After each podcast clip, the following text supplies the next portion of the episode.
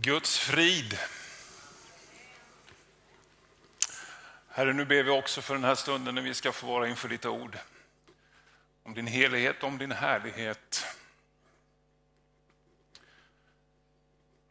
Jag ber om hjälp att förkunna. Jag ber om hjälp för oss alla att lyssna vad, vad du vill säga. Jag ber om det i Faderns, Sonens och den helige Andes namn. Amen. Vi ska fortsätta vår predikoserie om hopp. Och vi hoppas ju eh, hela tiden på olika saker. Hoppas att det ska gå bra. Hoppas att det ska ordna till sig det som inte blev så bra. Hoppas på viktiga saker, hoppas på lite mer triviala saker. Jag hoppas till exempel att det ska gå väldigt bra i veckan nu för Sveriges fotbollslandslag. Att de ska spöa både Georgien och Spanien så vi får ett härligt fotbolls-VM till sommaren. Alla socialdemokrater hoppas nu på att äntligen har Magdalena Frälsaren kommit som ska göra under och tecken ibland oss.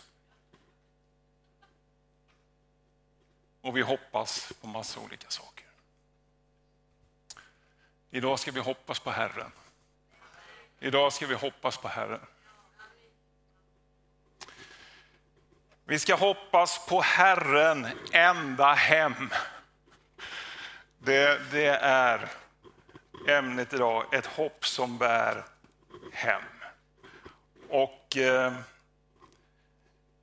jag ska utgå ifrån predikan och ha med som bakgrund för predikan idag ifrån Johannes kapitel 14 och vi reser på oss när vi lyssnar till Herrens ord ifrån första versen.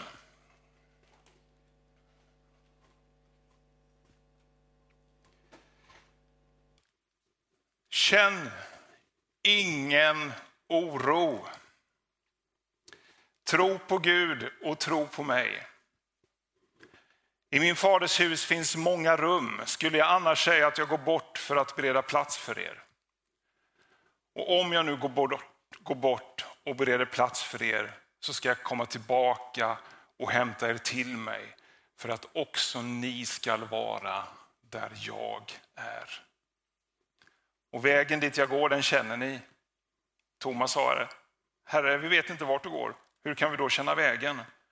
Jesus svarade, jag är vägen, sanningen och livet. Ingen kommer till Fadern utom genom mig. Amen.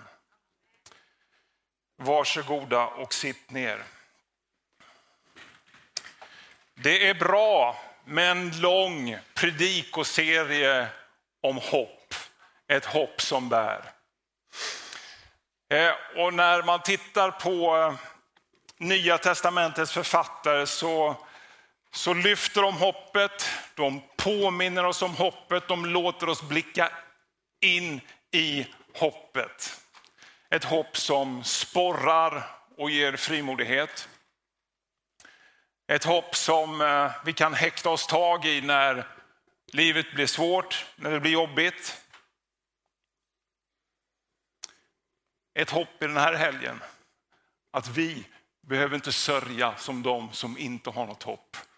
Utan vi har ett hopp att vi ska ses igen.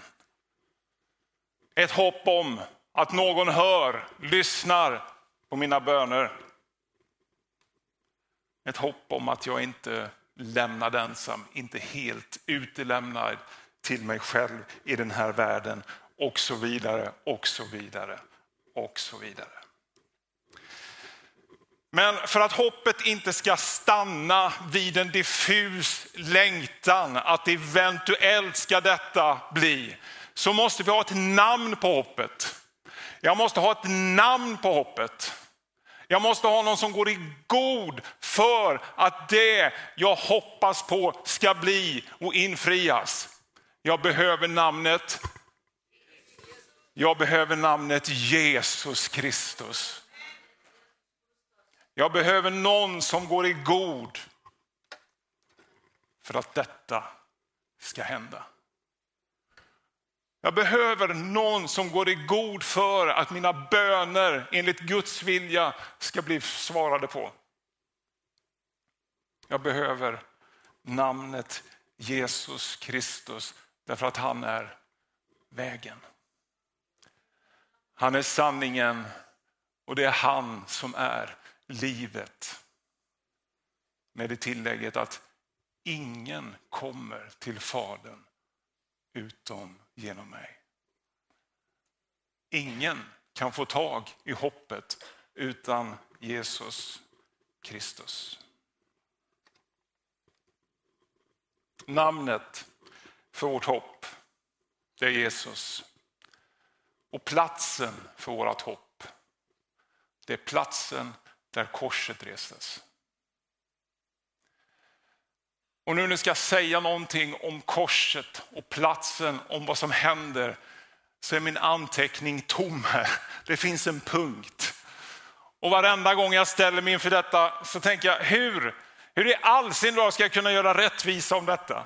Hur, hur ska jag med några ord kunna beskriva vad det är som händer där på korset?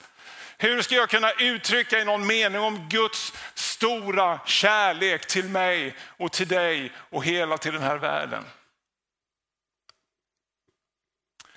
Men namnet är Jesus Kristus. Platsen, det är Golgata kulle där korset reser sig. Och när Jesus hänger på korset och Jesaja ser det här framför sig många hundra år tidigare så ser han en man som är föraktad. Han ser en man som inte har något vackert utseende. Han ser en man som är förtrogen med sjukdom. När vi ser på honom när han hänger där på korset så ser vi honom som bortglömd av Gud. Men vad som, vad som verkligen händer, det är att han har dig och mig för sina ögon. Det som verkligen händer på korset, det är att han dör istället för att du ska vara dödsdömd. Han dör för att du och jag ska få liv. Där vid korset, det är platsen för förlåtelsen. Det är platsen för friheten ifrån synden som håller mig avstängd ifrån Gud. Där är platsen där hoppet tänds för varje människa.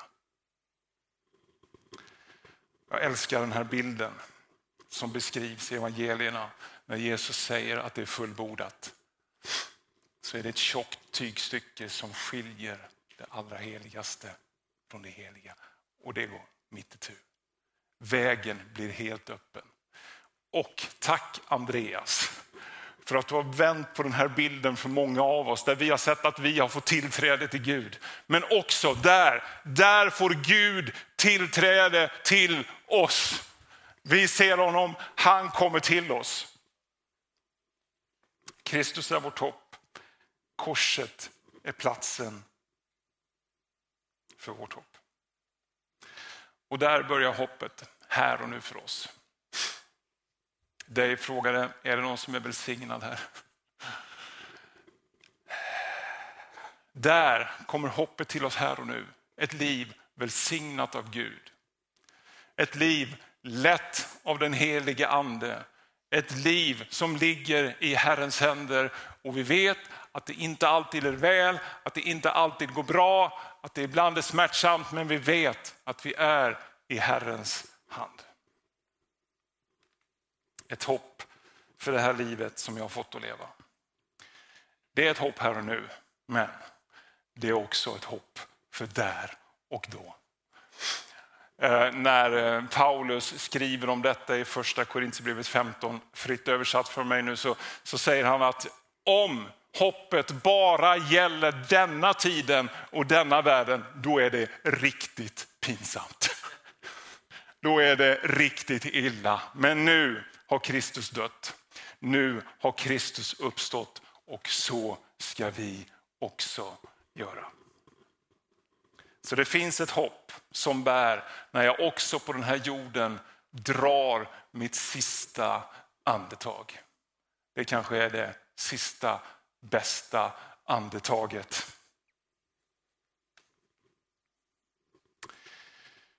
Det betyder förstås inte att jag längtar efter att dö, kan jag inte påstå. Jag längtar inte efter att få dra mitt sista andetag, men jag vet att när det är dags, då har jag ett hopp som bär mig också till andra sidan. Vi ska hem hörni. Vi ska inte bort, vi ska hem. Vi ska inte bort ifrån Guds, Guds gemenskapen. Vi ska vinna Guds gemenskapen nu och för alltid. Och har jag sagt det, jag säger det igen. Jesus Kristus är vårt hopp. Ja, jag skulle egentligen kunna sluta där, för det här är tillräckligt bra. Men nu har det ju bara gått tio minuter. Och jag tänker att jag ändå skulle kunna gå lite grann till texten som jag har läst också. Därför att i avskedstalet, som jag nu bara har läst inledningen på, så, så talar Jesus med lärjungarna just om detta som är här och nu. Alltså en liten bit framöver än vad de är just nu när Jesus talar till dem. Eh, han kommer eh, få dem att åtminstone försöka att förstå vad, det kommer, vad de kommer få för omständigheter, vad det kommer innebära för dem att vara en, en Kristi tjänare.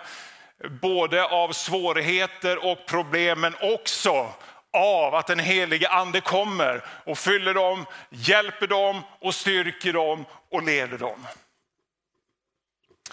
Han, eh, I sin förbön så ber han för dem att de ska bli bevarade i tron. Han ber om att Gud ska beskydda dem. Han ber att de ska vara enade, sådana viktiga saker för Kristi tjänare. Och så tar han detta på många fina, vackra sätt och förklarar för lärjungarna. Men i det där också, till exempel när han ber för dem, så avslutar han nästan med detta i Johannes 17, vers 24. Fader, jag vill att de som du har gett mig ska vara med mig där jag är för att de ska få se min härlighet, den som du har gett mig. Så samtidigt som han berättar och beskriver att han ska lämna dem så uttrycker han också sin stora längtan och önskan att få vara tillsammans med dem. Ja, och precis som jag nu har läst också ifrån inledningen så säger han så här. I min faders hus finns många rum. Eh, nu tror ju inte jag att detta betyder att det måste finnas rum eftersom vi är olika typer av kristna i olika samfund och med lite olika teologiska in, inriktning så att vi ska liksom hitta en plats där vi alla kan passa. Eh, det var ju någon för övrigt som fick en guidad tur i himmelen. Det är inte helt sant, men det fick det i alla fall. Och eh, det var väl förmodligen Petrus som, som gick där med den här gruppen människor och berättade i det här rummet, här har vi metodisterna. Trevligt. Gick en bit till, där har vi baptisterna. Och lite längre fram så var det en lägereld och lite grejer och där var ekumenianierna. Och sen så gick de ytterligare en liten bit och då gjorde guiden så här. Nu får ni vara lite tysta. För nu ska vi gå fram här och där framme är pingstvännerna och de tror att de är ensamma här.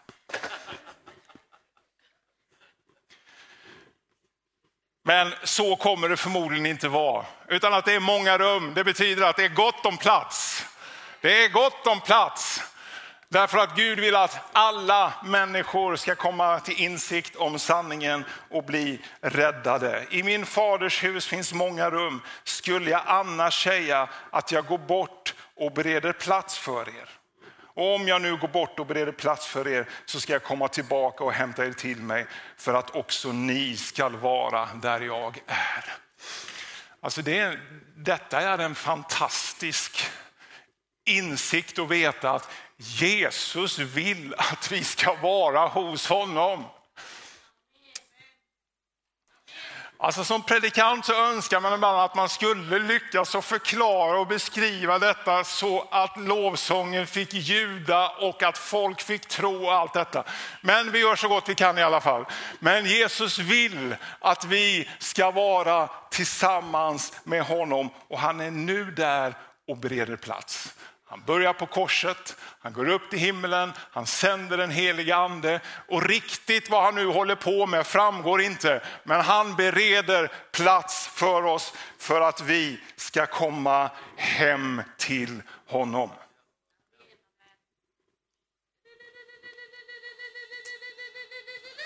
Japp. Och förra söndagen så eh, talade Andreas lite grann om, eh, om hemmet och alltihopa detta och, och vad det nu ska vara. Och, alltså, det, vi kanske först och främst tänker det, det är att det är en plats, eller hur? Alltså när Johannes får se detta så ser han åtminstone Storgatan av guld. Han ser eh, murar av fantastiska ädelstenar och så vidare. Och sen märker han att här behövs ingen sol utan Guds härlighet lyser över den här platsen. Så, så vi ska vara på ett ställe, det kan vi ju ändå komma överens om. Men sen är det ju den här frågan om vi ska fara bort eller om han ska komma hit eller hur det nu blir. Jag tänker så här, jag bryr mig inte. Jag, jag bryr mig inte om vart det är, bara jag får vara där. Eh, jag tillhör de som längtar hem ofta. Jag kommer tycka att det blir jätteskönt att komma hem i eftermiddag när jag predikat, gudstjänsten är avslutad, vi har fikat och pratat med varandra. Så kommer jag tycka att det är jätteskönt att komma hem. Eh, när jag har varit på semester så tycker jag det är jätteskönt att komma hem. I eftermiddag ska jag åka iväg på jobb och jag hoppas imorgon att det ska gå jättebra så att jag kan få komma hem imorgon kväll och inte behöver stanna till tisdag. Förra helgen eller veckoslutet så var jag och Katarina på en liten minisemester. Vi åkte på onsdagskvällen, vi åkte över till Öland, träffade vänner och tittade lite där. Sen åkte vi vidare till Stockholm och var där på fredagen. Och, och sen på lördagen så var vi på väg söderut och sen så, vet inte hur mycket vi pratade, men känslan hos mig är så här, alltså Jo, ska vi göra någonting mer? frågar Katarina. Eller ska vi åka hem? Vi har ju söndagen på oss också.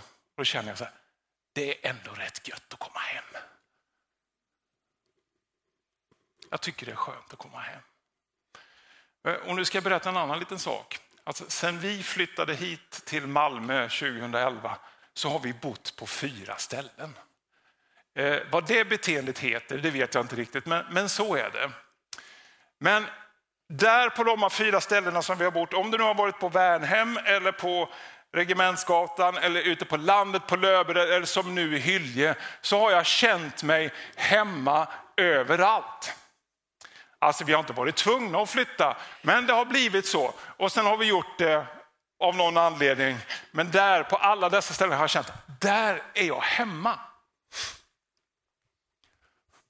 Nu är det här en liknelse alltså, för att ni ska förstå hur jag tänker. Att platsen, den är inte så viktig alltid. Ska vi dit? Ska han komma hit? Eller ska vi gå åt det hållet eller det hållet? I don't care. Jag vill vara där. Varför trivs jag hemma då, oavsett var det är någonstans? Jo, därför där har jag min livskärlek. Där har jag en säng, några soffor som jag kan lägga mig och vila. Jag äter den mesta av min mat där. Jag har min andaktshörna där. Det är en plats där jag träffar dem jag älskar, familj och vänner. Och det är själva innehållet innanför de där väggarna som är något speciellt som gör att jag längtar och trivs hem. Jag tänker så om himlen också. Det får vara vad det vill. Men där, där ska jag vara i gemenskap med Jesus Kristus. Då ska min längtan ta slut och mina sånger om att bli uppfylld mera ska inte vara nödvändiga längre. Utan där är Kristus i all sin härlighet, i all sin helighet. Och där ska det bara bli uppenbart att ja, men här är det fantastiskt. eh, hem, det är dit vi ska. Jesus vill att vi ska vara hemma hos honom.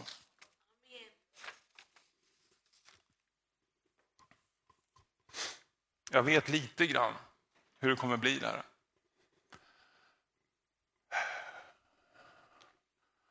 Jag vet att de tårarna som eventuellt rinner för mina kinder, de ska man själv torka bort. Jag vet att döden kommer inte finnas där mer. Jag vet att sorgen, den kommer inte finnas där mer.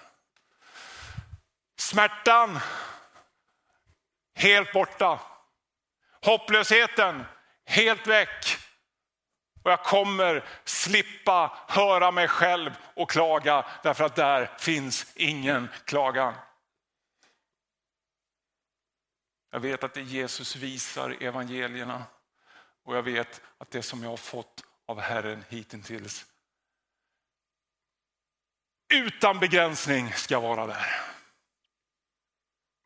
Hemma hos Jesus. Och nu tror jag att jag har en hälsning till någon särskilt, kanske till några, men alla ska ni lyssna.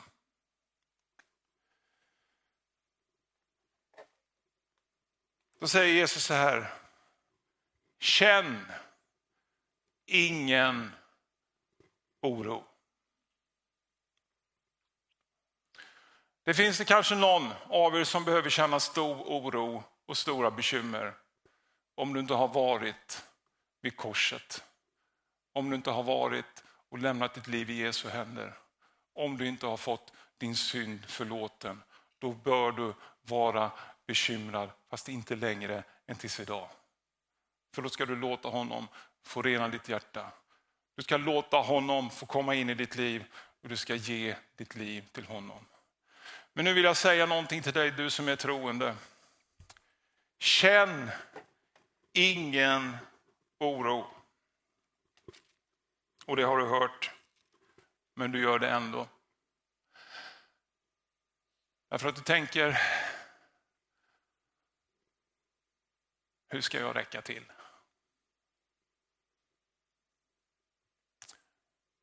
Hur ska jag platsa in där? Hur ska jag med alla mina tillkortakommanden komma hela vägen hem? Då ska jag säga så här, att du ska inte hoppas på dig själv. Du ska hoppas på Jesus Kristus. Du ska inte hoppas på dina egna prestationer eller förmåga att leva upp till Guds standard. Du ska sätta ditt hopp till Guds nåd genom Jesus Kristus som ska bära dig hela vägen hem.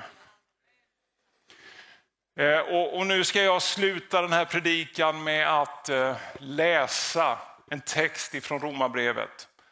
Och eh, Klara och Kaleb ska, efter jag har läst den här, välkomna fram, eh, sjunga den här, sjunga tro in i ditt liv. Att denna text som jag nu läser, den är sann. Det går inte att förklara bort den, utan det är Herren som säger till dig så här ifrån Romarbrevet kapitel 8. Vad innebär nu detta? Om Gud är för oss, vem kan då vara emot oss? Han som inte skonade sin egen son utan utelämnade honom för att hjälpa oss alla. Varför skall han inte skänka oss allt med honom? Lyssna. Vem kan anklaga Guds utvalda. Gud frikänner. Vem kan då fälla? Kristus är den som har dött och därtill den som är uppväckt och sitter på Guds högra sida och vädjar för oss. Vem kan då skilja oss från Kristi kärlek? Nöd eller ångest, förföljelse eller svält, nakenhet, fara eller svärd. Det står ju skrivet, för din skull lider vi dödens kval dagen lång. Vi har räknat som slaktfår. Nej, över allt detta triumferar vi genom honom som har visat oss sin kärlek. Ty jag är viss om att varken död eller liv, varken änglar eller andemakter, varken något som kommer, något som finns eller något som kommer, varken krafter i höjden eller krafter i djupet eller något annat i skapelsen ska kunna skilja oss från Guds kärlek i Kristus Jesus, vår Herre. Det här är starkt. Det här är hållbart. Det här är hållbart och det kommer hålla dig hela vägen hem. Så sätt inte ditt hopp till dig själv, sätt ditt hopp till Herren. Han ska föra dig hem. Du ska inte bort, du ska hem. Du ska inte gå förlorad, du ska vinna det eviga livets segerkrans i Jesu namn. Amen. Amen.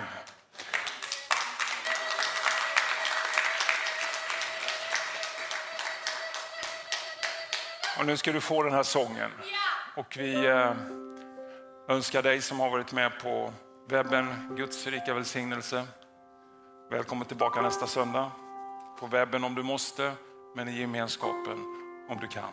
Amen.